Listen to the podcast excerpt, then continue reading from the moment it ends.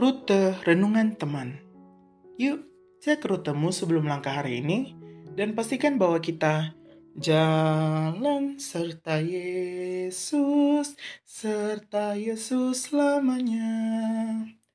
Halo teman, yuk kita dengerin renungan hari ini. Jumat 15 April 2022. Mari kita berdoa. Tuhan Yesus, kami siap mendengar firman-Mu Bersabdalah Tuhan. Amin. Pembacaan Alkitab pada hari ini terambil dari Yohanes 19 ayat 16b sampai dengan 27. Yohanes 19 ayat 16b sampai dengan 27 di bawah perikop Yesus disalibkan.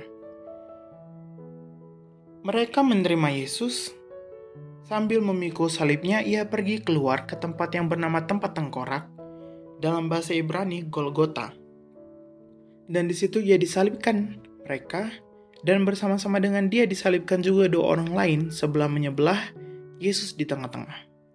Dan Pilatus menyuruh memasang juga tulisan di atas kayu salib itu, bunyinya, Yesus orang Nazaret, Raja orang Yahudi. Banyak orang Yahudi yang membaca tulisan itu, sebab tempat di mana Yesus disalibkan letaknya dekat kota, dan kata-kata itu tertulis dalam bahasa Ibrani, bahasa Latin, dan bahasa Yunani.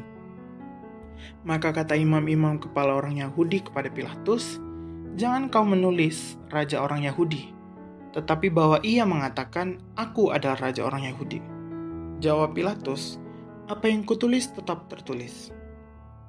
Sesudah prajurit-prajurit itu menyalibkan Yesus, mereka mengambil pakaiannya lalu membaginya menjadi empat bagian untuk tiap-tiap prajurit satu bagian, dan jubahnya juga mereka ambil. Jubah itu tidak berjahit dari atas ke bawah, hanya satu tenunan saja. Karena itu mereka berkata seorang kepada yang lain, Janganlah kita membaginya menjadi beberapa potong, tetapi baiklah kita membuang undi untuk menentukan siapa yang mendapatnya. Demikianlah hendaknya supaya genaplah yang ada tertulis di dalam kitab suci, mereka membagi-bagi pakaianku di antara mereka, dan mereka membuang undi atas jubahku. Hal itu telah dilakukan prajurit-prajurit itu. Dan dekat salib Yesus berdiri ibunya dan saudara ibunya, Maria istri Klopas dan Maria Magdalena. Ketika Yesus melihat ibunya dan murid yang dikasihinya di sampingnya, berkatalah ia kepada ibunya, Ibu, inilah anakmu. Kemudian katanya kepada muridnya, inilah ibumu. Dan sejak saat itu murid itu menerima dia di dalam rumahnya.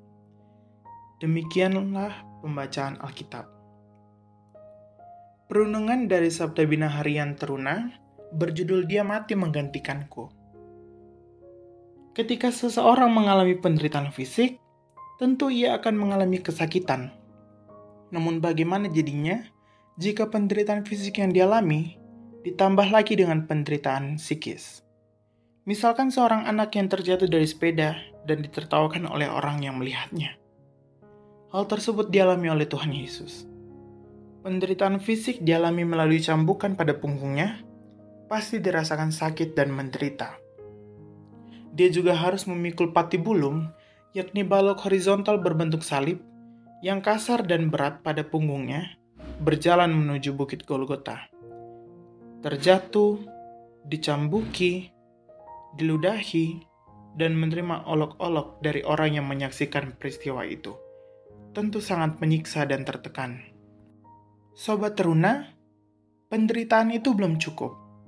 Mereka juga membuat tulisan, Yesus orang Nazaret Raja orang Yahudi, sebagai bentuk pengejekan dan menaruh di atas salibnya. Mereka menelanjangi dia merampas jubah yang dikenakannya, serta membuang undi untuk mendapatkannya. Penderitaan yang Tuhan Yesus alami di depan orang banyak adalah karena dosa-dosa kita yang harus ditanggungnya. Dia ingin membebaskan kita dari maut yang kelam.